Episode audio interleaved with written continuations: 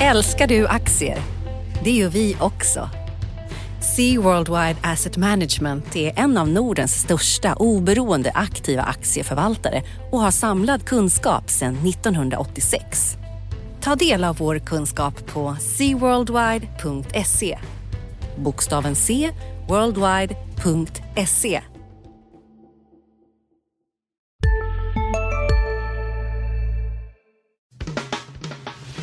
Analyspodden från Dagens Industri. Hej och välkommen till Analyspodden som ju är Dagens Industris veckoliga podd om det viktigaste som har hänt på finansmarknaderna under veckan och en liten framåtblick brukar vi ju bjuda på också. Eh, jag heter Viktor Munkhammar, med mig har jag Agneta Jönsson. Hej Agneta. Hej. Hej, hej, hej. Eh, och idag ska vi ju faktiskt inte bara prata om saker som kommer eh, i nästa vecka, det allra viktigaste, utan också våga oss på att kika lite på hela året kanske. Det är ju faktiskt det första programmet för 2020. Precis, det brukar ju vara lite sådär spaningar vid nyåret. Ja, och det enda man kan vara riktigt säker på att man kommer ha fel. Men vi gör det ändå. Vi gör det ändå, Vi gör om det inte annat så kan ju folk ha något att garva åt efteråt. Precis. Eh, det ska vi prata om. Vi ska också ta upp såklart det som har hänt. Du har med dig lite banktankar. Det har kommit lite index. Eh, men vi börjar med väl det som är dagens stora grej. Jag ska säga det att det är fredagen den 3 januari när vi står här, nämligen eh, den här Eh, attentatet, mordet, eh, avrättningen, hur man nu vill se det, av en eh, mycket högt uppsatt iransk militär med hjälp av amerikanska drönare eh, och som beskrivs som den största provokationen eller incidenten eller ja, vad man nu vill säga i, i, i konflikten mellan den nu pågående konflikten mellan, mellan de länderna och det har ju fått ganska dramatiska effekter på marknaderna. Oljan är upp över 3% exempelvis, eh, ligger runt 69 dollar fatet nu och det är faktiskt den högsta nivån sedan slutet på maj ja, förra året, det vill säga 2019. Då. Och börsen har ju dykt ner på det här också. Precis, det ställer ju till lite oreda. Vi har ju haft stökig handel faktiskt de senaste dagarna får man säga. Dagen innan nyårsafton gick den svenska marknaden ner 1,5 procent. Man var lite orolig vad som skulle hända i USA och sådär. Och sen igår hade vi ju revansch. Då gick börsen upp 2 procent igen och nu är vi ner nästan 1,5 på det här. Så en del beror ju också på att det är få aktörer i marknaden, många är hemma, vilket gör att Alla rörelser blir lite större än de blir lite ha blivit. större och det Ja. blir också de här som handlar om eh, liksom, programmerade datorer blir också förstärkta rörelser när det händer sådana här grejer. Så att, men volatiliteten ökar på det här och det är ju som du säger, det var som hittills framkommit så oroar det ju marknaden ordentligt. Och då är ju oljepriset en väldigt bra indikator när det gäller den här typen av händelser. Det har vi ju sett förut. Ja, precis. Oljan är upp då 3% guldet som är en annan sån där upp drygt 1 och kronan har tappat 4-5 öre. Kronan brukar ju åka på en snyting när, när eh, risksuget minskar där ute. Och, och det alla väntar på nu är ju hur Iran ska svara på det här och det som skulle kunna hända är ju då exempelvis att de ger sig på eh, eh, eh, trafiken i det här Hormuzsundet där en väldigt stor del av världens olja skeppas ut från Mellanöstern till andra eh, hamnar. Det har de ju hotat med förut eh, och det, det skulle ju vara en väldigt dramatisk åtgärd i så fall som skulle kunna få stora effekter. Men där är vi inte än. Vi, Det är vi inte än, men det har kommit en del uttalanden i den riktningen att de ja, avser vi det. har ju det. Eh, ja, vi vet helt enkelt inte Nej. så mycket mer än det, men det är någonting som verkligen påverkar marknaderna här och nu eh, i, i alla fall. Eh, och ska vi också ta och prata om eh, det viktigaste från min horisont. Jag eh, håller ju mest på med makrogrejer och då fick vi ju lite inköpschefsindex igår. Inköpschefsindex är en sån här tidig indikator på vart ekonomin är på väg som har förmåga att flytta både räntor och aktiekurser. Och då var det lite blandad kompott kan man säga. För svensk del så steg indexet men låg kvar då under 50 så att det betyder att, att det steg då men är kvar under 50 betyder egentligen att försämringstakten har eh, tra, trappats ner. Lite- det lite fortfarande mindre sämre dåligt. men inte i samma takt. Precis, men ändå lite en sån här metkrok som man kan, kan prata om. Det har varit väldigt ordentligt fall i de här indexen i, höstas. Eh, tittar vi ut i Europa, eh, ja, det ser inte något vidare ut. Eh, föll ganska mycket i Italien exempelvis. Frankrike är fortfarande över 50, Tyskland under 50.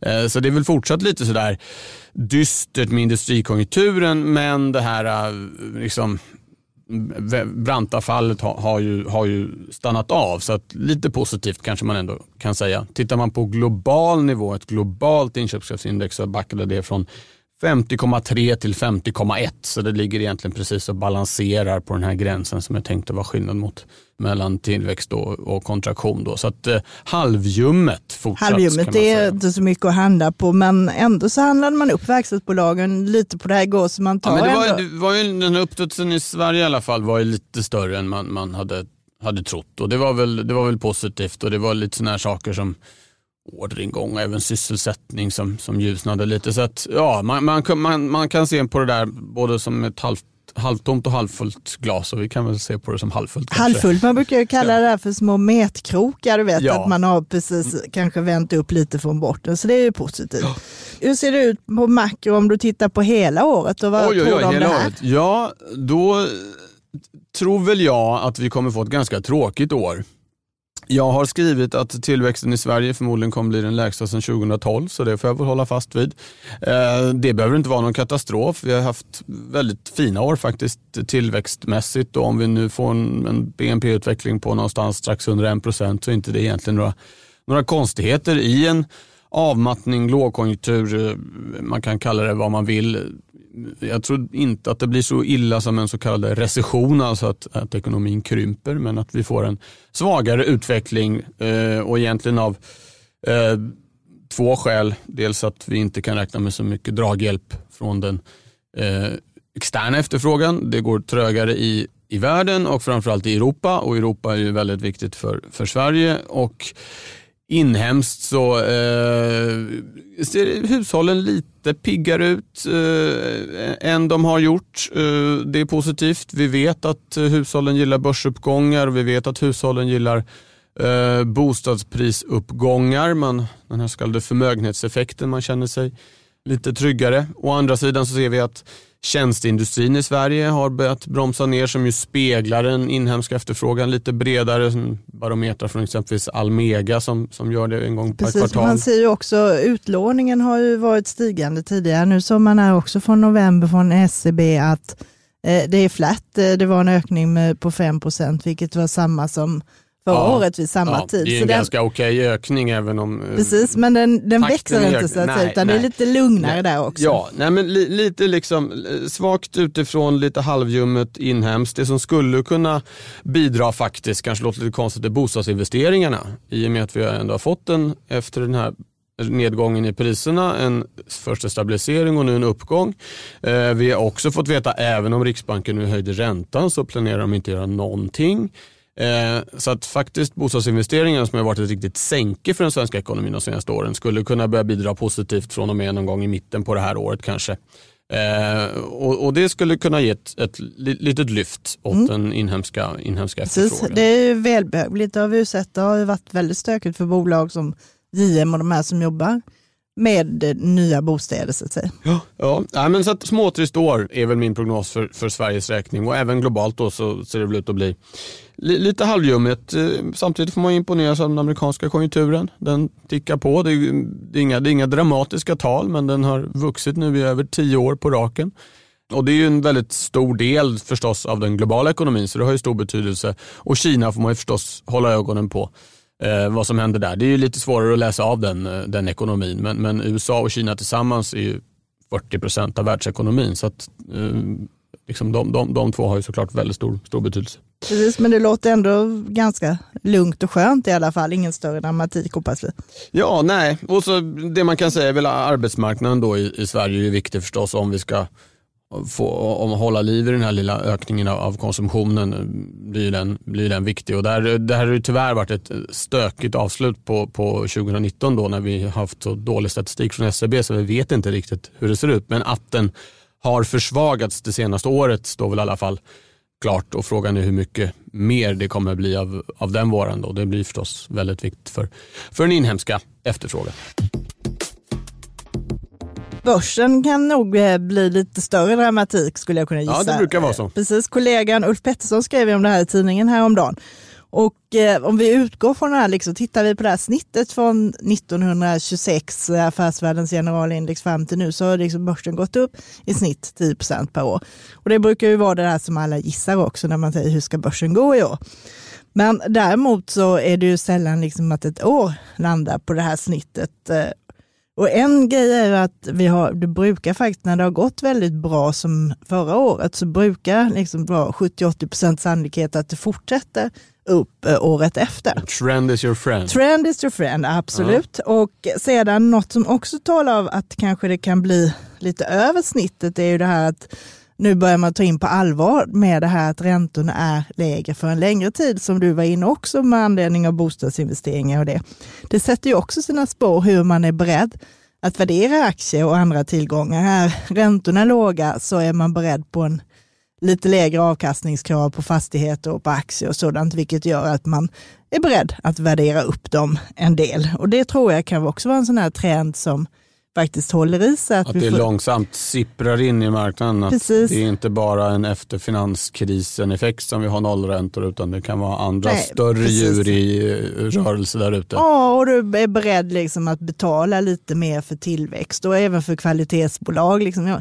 Kan du handla Atlas Copco på P24, varför inte på P28 så att säga? Mm. Och att den typen av resonemang kan putta upp det lite, även om kanske vinsterna bara kommer att öka en 5% i år. Ja. Så finns det anledning att tro att det kanske kan gå upp lite mer. Sen har du också att det finns utsikter för Eh, att finanspolitiska stimulanser också, att politikerna faktiskt öppnar plånböckerna, inte bara i USA, vilket de faktiskt brukar göra när det är valår, men även på andra håll. Eh, vilket också kan underlätta lite. Och i USA har du haft att där har börsen gått upp i åtta av tio år när det har varit presidentval. Mm. Så att det är också sådana här fakta. Valcykeln finns Valcykeln, där, ja. precis. Mm. Å andra sidan så finns det ju de som oroar sig över det här nu med amerikanska presidentvalet. att eh, Dels kanske Trump kan skylla, liksom går börsen lite dåligt så är det liksom inte hans fel nu utan det är stökigt i omvärlden och lite sämre konjunktur. Och sen har du också beroende på vem som blir Demokraternas kandidat. Vi har ju en juridikprocessorn Elizabeth Warren som är tydligen väldigt radikal när det gäller företag och sådant, vilket kan skrämma upp. Sista dagarna nu på vårens stora season sale. Passa på att göra sommarfint hemma, både inne och ute och fynda till fantastiska priser. Måndagen den 6 maj avslutar vi med Kvällsöppet i 21. Välkommen till Mio. Nu släpper vi en ny podd. Expressen Dock. Einar han går in i fel gård, förstår du? Och sen där, en annan skytt jag tror kommer emot honom och, och fortsätter skjuta. Lyssna på premiäravsnittet. Mordet på Einar, det sista vittnet. Med mig, krimreporter Nina Svanberg. Hon började skrika på mig. Backa hon började säga. Så vad, vad hände? Så hon bara, han är död. Så jag bara, vad säger du för något? Så hon började skrika, han är död. Så jag sköt honom nu en meter. Lyssna i appen eller där poddar finns.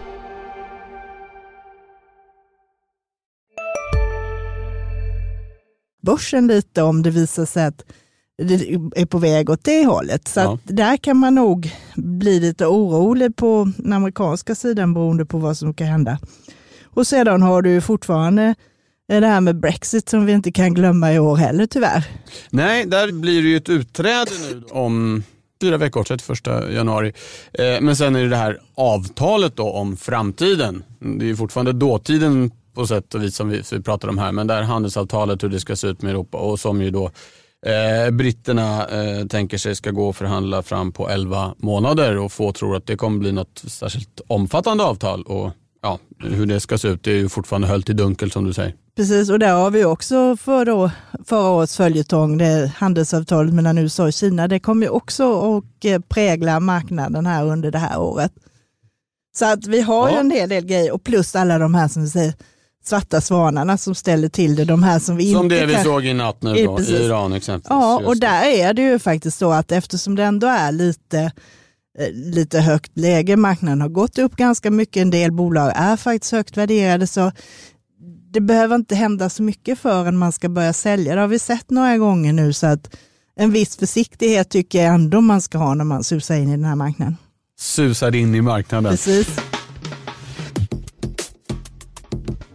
Du, vill, ville du prata mer specifikt om eh, banker också? Va? Det, du brukar ju prata Jag om banker. brukar prata om banker, det Ja. faller på min lott det här Ja, och det har ja. inte varit så himla roligt med storbankerna förra året. Jag var inne på det innan jul här, att vi kanske kan få se nu lite comeback för bankaktier. Dels så gynnas vi av det här kanske att minusräntorna är på väg bort. Här är vi uppe på nollan nu. ECB har ju också vidtagit åtgärder som underlättar för bankerna trots att man är kvar på Mm, den minusmiljön. så kallade tearingen. Mm. Precis, och det gör också att man, det blir lite lättare för deras del. Kommer vi nu så vi får ett sånt där scenario som du var inne på att det blir lite svagare tillväxt men ändå tillväxt så är det ändå styrfart och det gör ju också att risken för kreditförluster blir inte särskilt stor, vilket gör att du kanske får lite mindre tillväxt på utlåningen. Man kan slippa effekten av minusräntan, vilket gör att man kan tjäna lite mer, men samtidigt så börjar inte kreditförlusterna ta fart. Det som man gör däremot nu är att man får binda lite mer extra kapital på grund av utlåning till kommersiella fastigheter. Just Där det, är nya regler. Nya regler, för där är Finansinspektionen lite orolig att priserna är så höga. Man är också lite orolig för vad som händer det här med butiksdöden som man brukar kalla det. Med den typen av lokaler som blir lediga och vad som då händer i förlängningen. Så därför bankerna helt enkelt ha mer kapital när man lånar ut till de här bolagen. Och då blir ju ofta effekten att då är det kunden som får betala. Beviljar man lån så får man betala lite högre ränta för att kompensera bankerna på det här. Så det kan ju vara lite avkylande. Ja. Men sen ska man också vara medveten om att väldigt mycket av den här upplåningen sker direkt på kapitalmarknaden genom bostadsobligationer och sånt. Så det får man hålla koll på lite vad som händer med priserna där. Men överlag tror jag att om vi kan lägga det här med penningtvättsproblemen bakom oss, så tror jag det finns utsikter till ganska eh, bra utveckling för bankerna. Det kommer ju aldrig vara liksom 40 procent upp, men kanske en hygglig kursutveckling, en 10 procent och sen lägger du till direktavkastningen som ligger på en 7 procent på det. ja, som är väldigt hög i många banker. Ja, så gör det ändå att du kan få en bra årsavkastning, tror jag då. Mm. Men du har ju osäkerhet också. Eh, Finansinspektionen håller ju på med de här som säger sanktionsprövningar. Mot det, Swed, mot SEB också. precis, och Swedbank. Och först ska de bli klara med Swedbank. Eh, Det ska komma i mars. Och det de gör då, det är om de tittar på de här, vad de har gjort i Baltikum, om det är några brister, hur stora bristerna är och kommer man då att dela ut böter. Och sen samma procedur för SEB då som ska bli klart i april. Och det Ja. kommer man nog också använda lite som facit för att se hur stor är risken att det kommer något från amerikanskt håll. Just det, för Så den eh, faktorn finns ju med Den också. finns kvar Ja. och det är ju den som är det allvarligaste och den som är störst i pengar. Men här kom, beroende då på vad som sägs och vad som kommer fram så kan man åtminstone få lite ledtrådar för just nu så är man ju ganska mycket i mörker. Så fram till dess kan jag tänka mig lite avvaktande.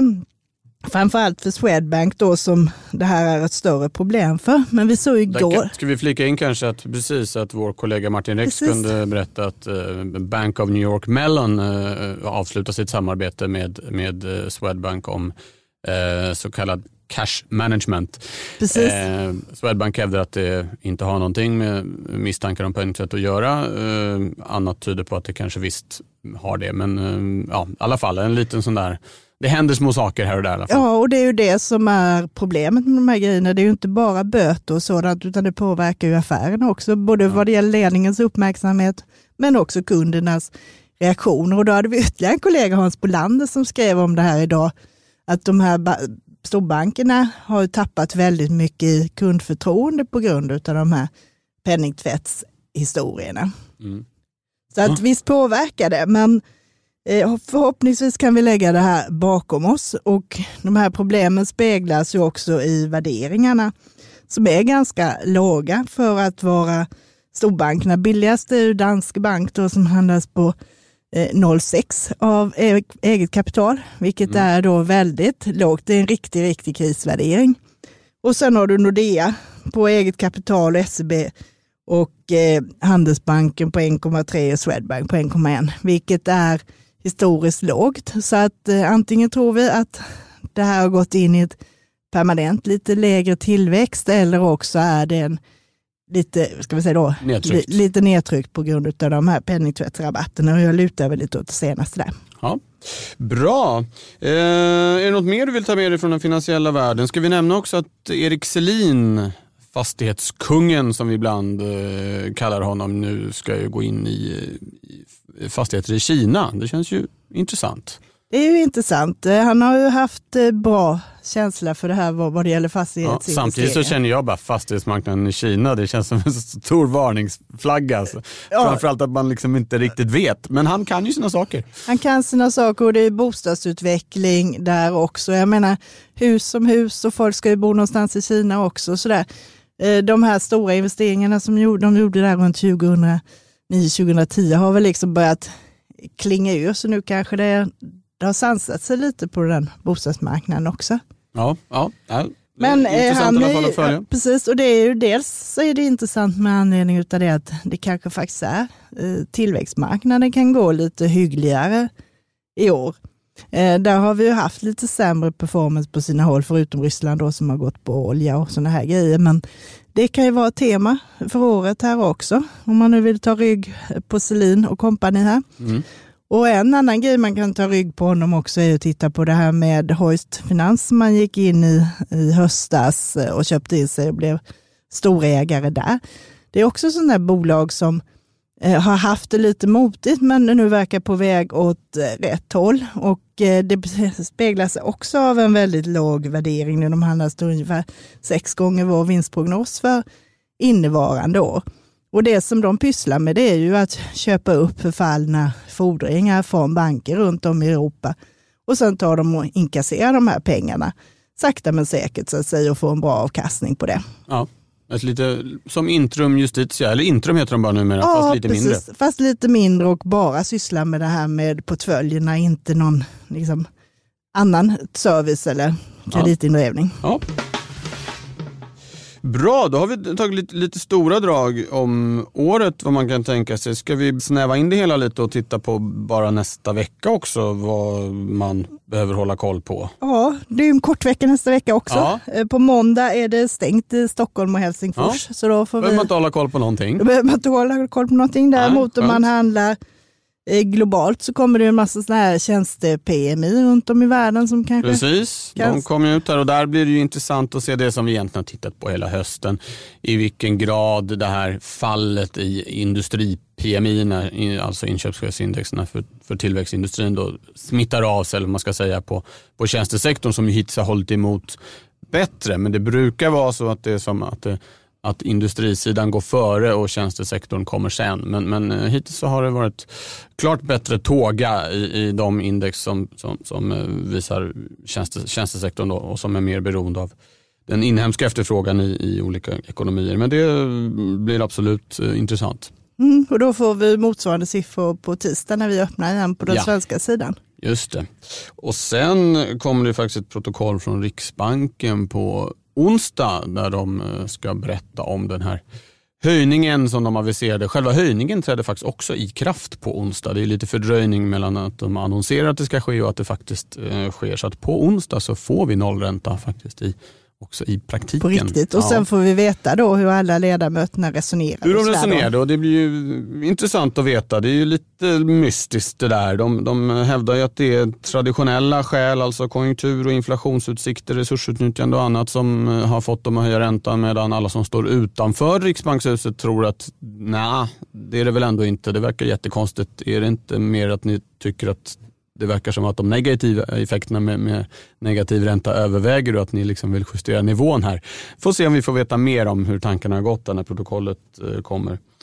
Eh, och sen har vi ju eh, amerikansk jobbstatistik på fredag som ju är en av månadens verkliga höjdpunkter. Det var ju en kanonsiffra senast med väldigt många nya jobb skapade och ytterligare lite lägre arbetslöshet. Och det är ju ett, ett mått på hur eh, den amerikanska konjunkturen mår och någonting som centralbanken Federal Reserve tittar, tittar mycket på. Så den blir spännande också. Det blir intressant. På bolagsfronten är det inte mycket. En rapport får vi nästa vecka. Det är Dustin eh, som säljer då en massa datorer och it-grejer och sånt där. Mm. Framförallt till företag som har sådana här brutet räkenskapsår, så de rapporterar sitt första kvartal då. Eh, Ett säkert sätt att få lite mer uppmärksamhet än man annars skulle ha fått. Den enda på hela dagen, precis. Ja. Och sedan så har du på fredag så är det ICAs månadsförsäljning. Då får vi veta hur mycket de har sålt i december. Med tanke på julen så brukar ju det vara en bra månad. Mm.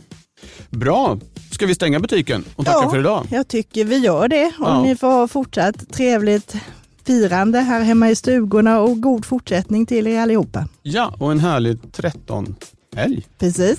Sista högtiden för högtidssäsongen. Ja. Fint, tack ska ni ha. Hörs nästa fredag. Hej hej. Analyspodden från Dagens Industri. Programmet redigerades av Umami Produktion. Ansvarig utgivare Peter Fellman.